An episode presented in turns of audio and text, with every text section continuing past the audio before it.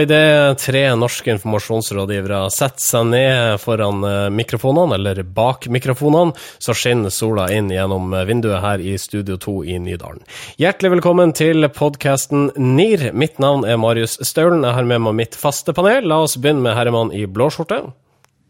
Ja, det er eh, Sindre Holme, Ja, så vidt jeg kan se. Takk. Eh, Og hjertelig velkommen også til deg, Marius Torkelsen. Tusen, tusen takk. Mye har skjedd den siste uka. La oss begynne med deg, Sindre. Du har vært i London. Jeg har vært i London en uh, kjapp tur. Uh, jeg var og faktisk besøkte uh, Facebook der borte, Ja. hovedkvarteret.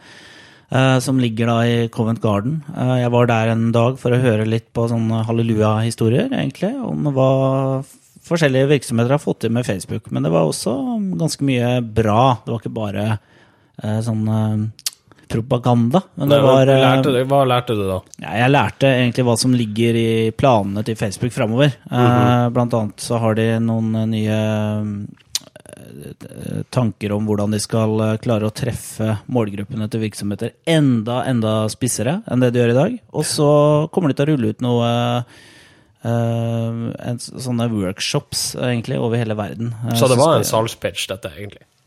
Eh, ja, det var på en måte mye det. Uh, takk til deg. Uh, vi beveger oss videre til Marius Storkelsen. Hva har skjedd uh, i din verden den siste uka? Eh, jo, mens uh, Sindre var i London og meska seg med tech-toppene, uh, så var du og jeg, Marius, på uh, teaterbaren over Dizzie Showteater og avholdt tidenes første NIR live. Ja. Det ble ikke tatt opp, men det var et liveshow for, for en gjeng BI-studenter, PR-engasjerte sådan, med eh, Sigurd Skjefstad, tidligere NIR-kjendis, eh, som, eh, som sidekick, eh, i tillegg til oss to, Mm, I fraværet av Sindre Holme. i fraværet av Sindre Holm. Eh, hadde dere sånne paljettdresser på dere? Tenk på Dizzie Tunes hadde jo det i sin tid. Nei, altså den, lilla altså De lilla paljettdressene passet ikke meg, i hvert fall. Eh, og det var vel rart hvis jeg skulle hatt noe helt annet, mens eh, Sindre Nei, mens Sigurd og Marius var i matchende Ja, det ville sett kjemperart ut. Så vi hadde på oss podkastklær, Ja. eh, som var sånn type bukse og genser og Ja. vanlige klær, egentlig. Vanlige klær. Nå tenker jeg på. Jeg tenker meg om. Eh, det var ikke så mye folk der. Vi ble kanskje litt Nei, skuffa. nei, altså vi hadde jo håpa at uh, det skulle komme litt flere, selvfølgelig. Det hadde, tror jeg også de som arrangerte det, hadde håpa Ja. på. Uh, det kan jo ha noe med å gjøre at, at vi ikke er så veldig spennende. Eh, Det kan også ha noe med å gjøre at det ikke var så veldig mange som visste at det faktisk skulle skje.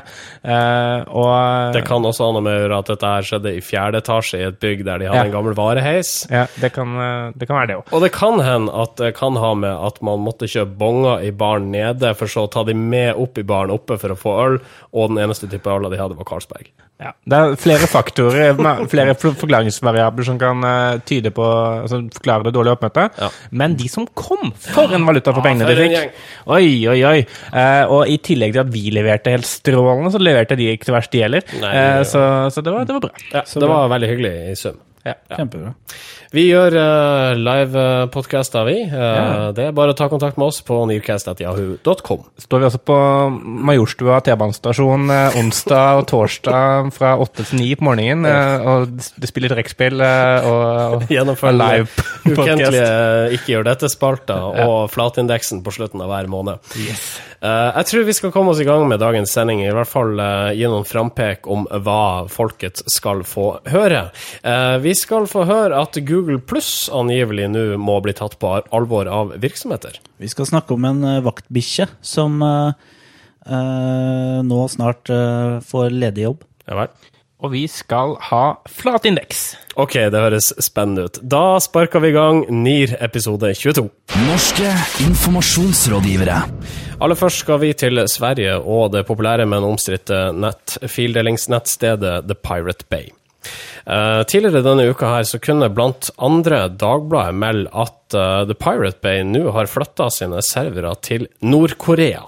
Men det skulle senere vise seg at dette her, det var bare ren bløff. Ja, det stemmer. Eh, The Pirate Bay er kjent for litt sånn hva skal man kalle det, tryaktige PR-utspill, hvor man sier man skal gjøre noe, og så viser det seg at det ikke er sant likevel. Uh, og uh, denne gangen så skulle de altså fly de, Eller de meldte at nå hadde de flyttet sine servere til Nord-Korea. Og uh, de sa at grunnen til at altså, De sa at hvis de hadde vært et profittjagende selskap, så kunne de aldri gjort det, for da hadde man tapt så mye penger på måte, å flytte serveren til et diktatur. Eh, men siden de gjør eh, så måtte de driver Pirate Bay kun for å ha det gøy, så dreit de egentlig litt i om det var 1000 folk som eh, droppa å bruke tjenesten pga. det. Ja, Sånn, ja. Det sa de faktisk i pressemeldingen som ble sendt ut og snappet opp av Aftonbladet, Ekspressen, eh, Dagbladet i Norge eh, osv. osv. Verdens mest åpne neste, kanskje, flytta til verdens mest lukkede land. Jeg tenker at Ironien ligger jo så tjukt utapå at eh, jeg kan ikke tro at aviser, aviser faktisk trodde på dette. Nei, men kanskje det at noen ganger så ødelegger det saker på måte, altså hvis man skal sjekke fakta. Eh, Ja. så så veldig gode saker eh, kan man kan bare trykke og håpe at det er sanne. Og så er det, og så er det noe med det, er, det er blitt et, begynner å bli et litt sånn billig triks å bruke Nord-Korea eh, i et PR-stunt, for de svarer jo aldri selv. Altså, de, eh, det er veldig sjelden de er, er interessert i å gå i en sånn Uh, på en måte uttale seg om den type saker, da. Du kan ikke sette telefonnummeret til Kim, Kim Jong-un på boilerplaten? Nei, de har, de har liksom ikke Arne Johannessen uh, som presseansvarlig der borte. Fordi Eh, han er veldig glad i å Han er glad i å uttale seg, og, og ja, uttaler seg alltid. Men uh, Nord-Korea holder som regel kjeft, da. Men altså, de, de, de sa at årsaken til at, at de gjorde det, utover at de måtte ville ha litt sånn buzz rundt The Pirate Bay, altså for å vise at de kan internett bedre enn sine fiender. Eh, og Det speiler litt tilbake igjen til det som du, du snakket om innledningsvis, at de er kanskje De har vært litt sånn forkjempere for demokrati og åpenhet på nett, da, i den grad man kan kalle det altså piratkopiering for demokrati. Eh, men eh, prinsippet i måte at internett skal være fritt og uten stengsler. Eh, og de mente at de skal bare vise liksom, hvor enkelt de kan manipulere liksom, omverdenen. Altså, Pirate Bay eh, ser jeg på som litt sånn derre den derre busepellende lillebroren til eh, Wikileaks, på en måte. Altså det er sånn Ok, de driver De har jo et eller annet et eller annet politi, De har en eller annen politisk dimensjon, men det er litt mer drittunge enn alvor, da. Ja, og så kan det vel også være, uten at jeg skal konkludere verken den ene eller andre veien, at man i enkelte tilfeller bruker politikken, altså man skyver politikken foran seg for å forfekte det man egentlig vil, nemlig uh, deling av filmer, f.eks. Ja, man, altså, Grunnen til at det finnes, er fordi man ikke ønsker å betale for film og musikk Nei, og serier. Eh, og iveren etter å beskytte åndsverk da, eh, for å kunne hente ut mest mulig penger, eh, den er de imot. da, De mener at den begrenser mer enn måtte, skaper muligheter for måtte, innovasjon og, og, og slikt. Eh, og det er liksom deres politiske agenda. da. Mm. Eh, Nå må vi vel kunne karakterisere utsendelsen av denne pressemeldinga som en suksess, all den tid den ble plukka opp av svært mange medier. Eh, når det kommer til grepet løgn, eh, syn- altså, hva vi syns om det? Funka det? Det er jo ikke de første som gjør det. Det er ganske få som kan gjøre det, og komme unna med det. Kanskje Pirate Bay er en sånn type eh, virksomhet som eh, kan få lov til å lyve litt, fordi at vi vet at de farer med eh, mye Altså, ja, jeg vet ikke. Det er et godt spørsmål. Ja, men det er noe i det at de faktisk er såpass anti det etablerte, da. At eh, det at de faktisk da gjør litt eh, narr av det etablerte, er liksom bare med på å underbygge den posisjonen de ønsker å ta. Eh, så sånn sett så kan det sikkert være altså, at de oppnår det de ville med det, da. Mm. Da prøver vi oss på en tommel opp eller tommel ned for eh, Pirate Bay sitt Nord-Korea-stunt. Ikke helt vellykka, syns jeg, så tommel ned på det. Ja, jeg også syns altså, Jeg får ikke noe mer lyst til å bruke dem. eh, ned. Norske informasjonsrådgivere. Da skal vi til PR-bransjen. Trigger slåss om seieren i to kategorier når de beste PR-byråene i Europa, Midtøsten og Asia skal kåres. Byrået konkurrerer om gull i kategoriene Årets nordiske byrå og Årets nykommerbyrå. Det melder Kreativt Forum. Det er en ganske stor eh, bedrift. Altså, det er det eneste norske byrået som er eh, nominert, eller som er finalist eh, og kan vinne prisen som Årets nordiske byrå. Og de flyter jo på en eh, skikkelig medbølge, som de egentlig har gjort siden de starta. Og det er vel litt sånn at Preben Karlsen nå, som uttaler seg her, han, eh, han har vel for lenge siden gått tom for eh, superlativer og eh, på en måte ja, godord om eh, sine egne kunder og seg selv. Men bra er det. Men bra er det. Jeg, jeg synes det også er interessant hvis man ser det mot et, et annet, en annen sak, og et litt sånn interessant backdrop for, for dette er nettopp at uh, vi begynte jo hele vår podkast-karriere med å diskutere bl.a. at Trigger ikke fikk lov til å delta i Gullkorn i Norge pga. at KOM hadde noen, eh, noen regler. Eh, forrige uke så kom det jo fram at eh, Morten Voldsdal, uh, leder i KOM, han eh, kunne informere om at nå hadde KOM snudd, og fra og med neste år så får alle lov å delta. Eh, og når man ser hvordan da Trigger hevder seg internasjonalt, så skulle kanskje bare mangle. Ja, eh, Kanskje det er slik at vi eh, kan dra opp den gamle floskelen. Man blir ikke profet i eget land. Trigger det rett og slett for god for det norske markedet? Ja, det er sånn at selv, selv Van Gogh da, han, han ble jo ikke egentlig stor før etter at han kutta seg minst ett øre. Og eh, jeg vet ikke hvilke kroppsdeler Preben Karlsen må eh, miste for å bli eh, godkjent og måtte hyllet av KOM, men, men det kan jo hende at eh, han trenger eh, et eller annet eh, det, Dette er jo litt som uh, OL, eh, altså basketball i OL for, uh, uten Dream Team. Uh, nå skryter vi fælt av Trigger, men det er jo, de er jo virkelig, virkelig flinke. Og jeg mener eh, de, de tar, drar jo opp liksom, nivået på, på PR-byråene i Norge og eh, viser at uh, det skjer mye spennende her. Jeg jeg så faktisk uh, at de, de beskriver seg nå som et, et ledende byrå på engagement marketing. Uh, og jeg syns det er bra at noen også tør liksom, å ta den forlovelsesmarkedsføringsnisjen. Ja. For den har vel egentlig Las Vegas uh, Ja, det var Las Vegas har eh, hatt lenge. Ikke drift, så følger vi nå er dere greie.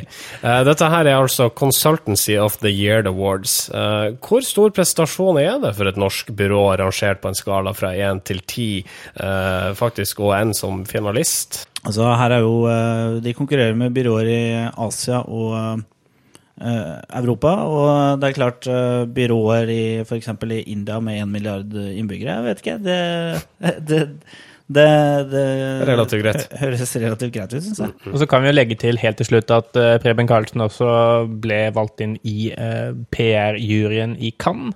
Ja. Så det var en bra uke for eh, PC og co. Ja, det vil jeg si. Så tommel opp, da, Tarjei. Tommel opp. Tommel opp.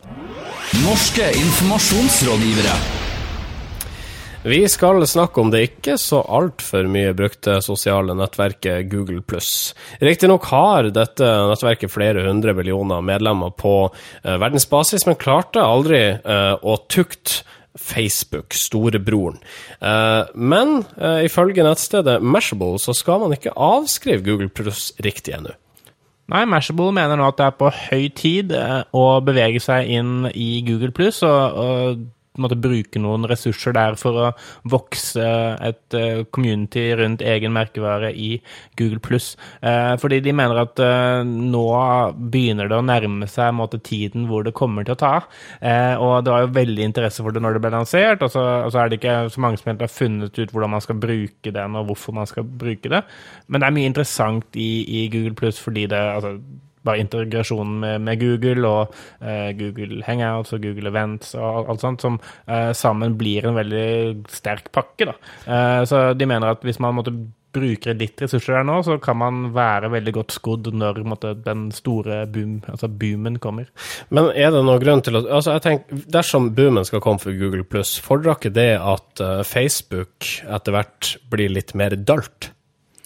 Jo, eh, det, altså det kan jo eh, Det at eh, det er mye mer kommersielle krefter i sving på Facebook, og at det er mye mer reklame der, f.eks., kan jo gjøre at folk ser seg om etter et nytt nettverk. Og Google Pluss har jo en viss hva skal jeg si, aksept i businessmiljøer.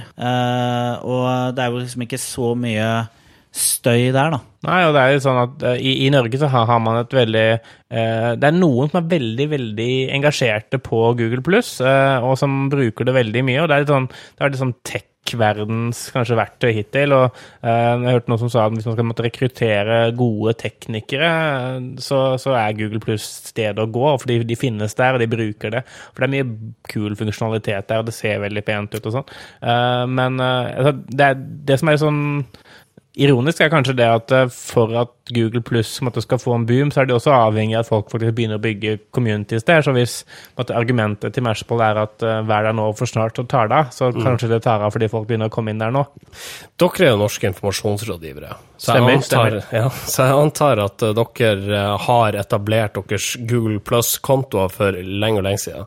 Uh, hva er det som er kult med Google Pluss? Hva er det som funker? Jeg syns det er mye kult Altså, selve siden er, er utrolig bra, sånn funksjonaliteten som, som, ligger i den, og bare hvordan ting måtte flyter og ser ut, altså layout-messig, og sånn, løsningen er, er ut, utrolig bra.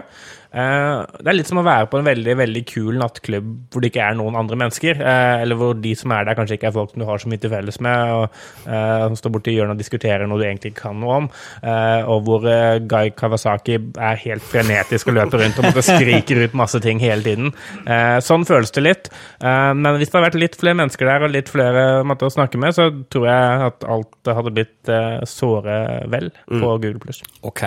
Uh, prognosen til Mashable, eller spådommen fra Mashable, er altså at Google Pluss kommer til å ta av. Stiller vi oss bak denne trua her, eller har dere trua på det samme, ja eller nei? Jeg er veldig usikker. Så tja, da? Eller? Tja. Ja, tja. Vi skal ta oss en tur til uh, Løvebakken. Uh, godeste Erik Solheim han lanserte nylig sin sjølbiografi. Den heter 'Politikk er å ville'. I denne boka så tar Solheim oss med bak kulissene i SV. Og angivelig så får man både vite én og to hemmeligheter i denne boka.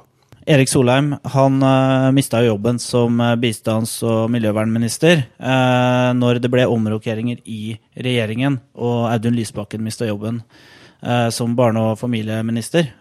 og det likte jo, det husker jo, vi likte, det likte jo ikke Solheim særlig godt å miste jobben, for han hadde tenkt å fortsette der. Han fremsto som svært misfornøyd i media også? Ja, han var ganske direkte på det. At han mente det var helt feil, og han mente f.eks. at Bård Vegar Solhjell og Heikki Holmås eh, ikke hadde den tyngden han hadde. Og han mente at eh, han og Jonas Gahr Støre de var et veldig bra team. Så det sto ikke noe på selvfølelsen. Og det eh, gjenspeiler vel også den boka som kommer nå. Full av bitterhet, denne boka her, ja. ja på en måte så er det jo litt uh, bitterhet. Han, uh, han er jo ikke, fortsatt ikke særlig glad for at han uh, eh, mista jobben. Nei. Men det er også ganske mye annet her som er interessant. Uh, blant annet så viser jo egentlig at uh, Solheim kanskje ikke lenger var en SV-politiker når han gikk av. Fordi at han skryter av veldig mange politiske motstandere. KrF har han veldig mye til overs for. Arbeiderpartiet har han mye til overs for. Uh, og spørsmålet er jo kanskje om han drev med SV-politikk når han var bistands- og miljøvernminister.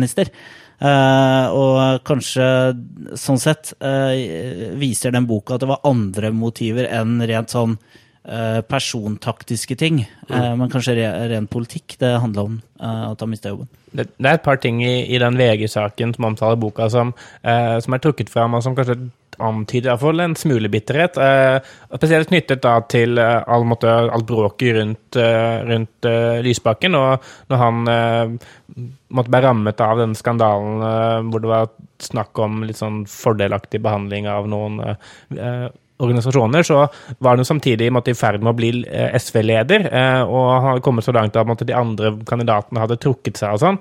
Eh, men likevel ble det stilt spørsmål om han var skikket til å bli SV-leder. Og da sier jo Solheim at han sånn halvt på spøk av Kristin Halvorsen ble spurt om Solheim ville bli SV-leder istedenfor, mm. hvordan han takket nei. Uh, og Samtidig så sier han også senere at uh, han og Kristin Halvorsen gikk ut og måtte oppfordre resten av partiet til å støtte uh, Lysbakken. Og Hvis ikke de hadde gjort det, så hadde han aldri lyktes med å bli SV-leder. Riktig. Så han tar på seg litt sånn både for Han er helt tydelig på at han takker nei til å bli leder, og han tar også æren for at Lysbakken og tross alt har fått en OK start som, som leder. Altså, det her er, det er jo ikke en uvanlig sjanger i Norge etter hvert. Eller det har vel blitt en sjanger, det her med ekspolitikere som Uh, ta, uh, slår litt tilbake da, i bokform. Åslaug Haga gjorde det etter den herre stabburfadesen. Ja. Hadde bygd et eller annet krypinn i et stabbur og leide ut. og skrev en fiksjonsbok, en krimbok eller noe sånt, som var veldig mistenkelig lik virkeligheten. Og på en måte sånn indirekte eh, slo litt uh, i ansiktet på Jens Stoltenberg. Og Carita Bekkemellom har også gjort dette her. Ja. eh, med Brustad hadde noe sånt. Brustad. Og det er litt sånn vekslende hell. Gerli Valla gjorde det vel da? Eh, ja, Geir Livalle har jo skrevet flere bøker, faktisk. Har du det? Ja, jeg har skrevet to bøker om det. Uh, så Fortsatt ikke ferdig. En trilogi, det. fortsatt ikke ferdig. Nei, men, men jeg, jeg tror liksom at, at politikere spekulerer litt i uh, hva de faktisk måtte skal si der og da. Jeg ser for meg alle politikere går rundt med en sånn notatblokk hvor det sånn, når noe oppstår, en annen krise eller noen ting som eh, du vet, ah, dette kan bli bra til boka mi, så istedenfor å måtte ta det opp der og da, si sånn du, du Torbjørn, nå syns jeg ikke du var så nå var litt u ufin mot meg, Ja. så noterer de det, går hjem, hjemme på det i ti år til de måtte være ute av politikken, og så skriver de det. Det er riktig. Og så er det en nyhetssak. Og det Solheim også har gjort, han har jo uh, trilla terningkast på eh, politiske kommentatorer. Ja, det var litt artig. Eh, Kyrre Nakken fikk vel terningkast én, mens Magnus Takvam, som også jobber i NRK, fikk terningkast seks. Jeg, jeg tenker at, at idet en politiker eh, gir deg som politisk kommentator terningkast seks, så har du ikke gjort jobben din godt nok. Nei. Eh, da er du litt for vennlig med måte, den politiske delen av Norge. Og hvis du får terningkast én, da Eh, kanskje det har gjort den litt for godt, da. Ja, jeg så argumentasjonen, det var heldigvis ikke sånn. Magnus Takvam, terningkast seks, alltid positiv. Og Skrev som vi ville. Kyrre skikkelig drittfyr. Ah, herselig. skal alltid gjøre det så vanskelig. Uh, det, vi, dette her er ikke en bokanmeldelse, bare så det er helt klinkende klart. Nei, det Nei, er vi, har ikke, vi har ikke fått noe anmeldereksemplar av Nei, det forlaget, så det ikke. burde kanskje ha sendt oss. Så ikke gjør dette til forlaget. Ja, det er det. Eh, hva er det? Skal vi gi noe tommel opp eller tommel ned? Ja, tommel opp. Tommel opp. For hva da? For eh, at eh, de politiske irreganger blir avslørt og belyst for offentligheten. Norske informasjonsrådgivere. Vi snakka om eh, Nord-Korea tidligere i dagens sending fordi eh, The Pirate Bay løy på seg og flytta sine servere dit. Det viste seg ikke å være tilfellet, men en som faktisk har dratt til Nord-Korea nå i det siste, det er den eh, falmende basketballstjerna Dennis Rodman. Han har angivelig blitt god venn med Kim Jong-un, og eh, dro like til på basketballkamp sammen med diktatoren. Ja, altså eh, Kim Jong-un han har jo tidligere måtte uttalt at han er en stor basketballfan. Og når han gikk på kostskole i Sveits, eller hva det var for noe, så spilte han basketball og var også, eh, ifølge mytene, blant de aller, aller beste på det laget. Selvsagt eh, en 40 meter høy nordkoreaner, litt chubby. Utrolig god i basketball. Han, han er jo kjent for uh, På den tida der så avslørte han jo ikke sin bakgrunn. Han sa at han var sønn av en uh, sørkoreansk taxisjåfør og var kjent for å bosse de andre rundt på basketballbanen. Det kan riktig, tenke meg ja, riktig. Ikke sant? Eh, Men nå har han også fått besøk av eh, den tidligere basketballstjernen Dennis Rodman. Og eh, de, de, de gjorde flere ting. Kim Jong-un han viste den rundt i kongedømmet, diktatordømmet sitt, eller hva man nå skal si. Eh, De så en basketballkamp sammen mellom eh, de to lagene som eh, vel finnes i Nord-Korea. Eh, Jeg vet ikke om altså, At Nord-Korea har en basketballiga, den må i så fall måtte ha kommet i gang etter at Kim Jong-un faktisk tok over der. Det første vi skal gjøre, er å etablere KNBA. For Rodman er jo dette en fin måte å få store overskrifter, for det har vel ikke han fått på en stund. Det tror jeg var lenge siden, gitt. Nei, og så er det jo et, et sterkt symbol eh, sånn politisk også at uh, en av de fremste utøverne fra en av de viktigste sportene og kulturbærerne i USA, han drar til Nord-Korea og eh, tilbringer en dag sammen med en av USAs uttalt største fiender. Eh, og i tillegg da, så, så har visstnok Rodman sagt også at eh, Kim Jong-un var, var veldig vennlig, og han anser ham nå som en god venn. Og en strålende fyr, sto det der. Ja, strålende fyr. Og han sa også at eh, Kim Jong-un hadde uttrykt et ønske om å komme og snakke med Obama. Det ble avvist av Det hvite hus. Men hva er målet med den her eh, reisa? Hvem er, det Altså- som, hvem er det som tjener på dette her, egentlig? Ja, altså det her er jo eh, for, Den norske kunstneren Morten Tråvik har jo også vært i Nord-Korea ved flere anledninger og hatt kunstprosjekter.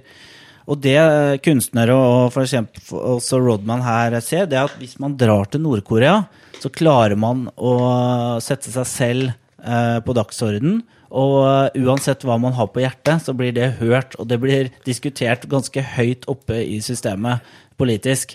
Eh, Så, så målet her er jo egentlig å sette seg selv på agendaen, altså. Ja. Dette er tre stykker som tjener på det. Det er eh, Vice, magasinet bak, som har betalt litt for turen, og som har sendt Rodman til USA, som, nei, til Korea, og får en flott historie. Det er Dennis Rodman, som får igjen noen minutter i rampelyset etter å ha vært litt i glemselen etter han la opp. Og det er Nord-Korea som viser at uh, enkelte amerikanere faktisk uh, elsker Nord-Korea, og synes Kim Jong-un er en strålende kar. Det er nesten så NIR burde kjørt ei livesending fra Nord-Korea. Da hadde vi også fått overskrifter verden over. Det gjør vi gjerne. Første norske PR-podkast sendt fra Nord-Korea. Kanskje vi kommer i kampanje da, tror du? Ja, det håper jeg. Ja, da bør vi i hvert fall få Knut Christian, hører du?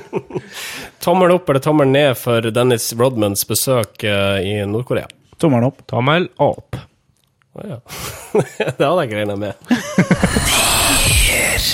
Vi er i begynnelsen av en ny måned. Det betyr at vi skal eh, ta på oss eh, brillene og se tilbake på måneden vi har forlatt. Det er klart for denne månedens flatindeks. Marius, hva er dette for noe rart?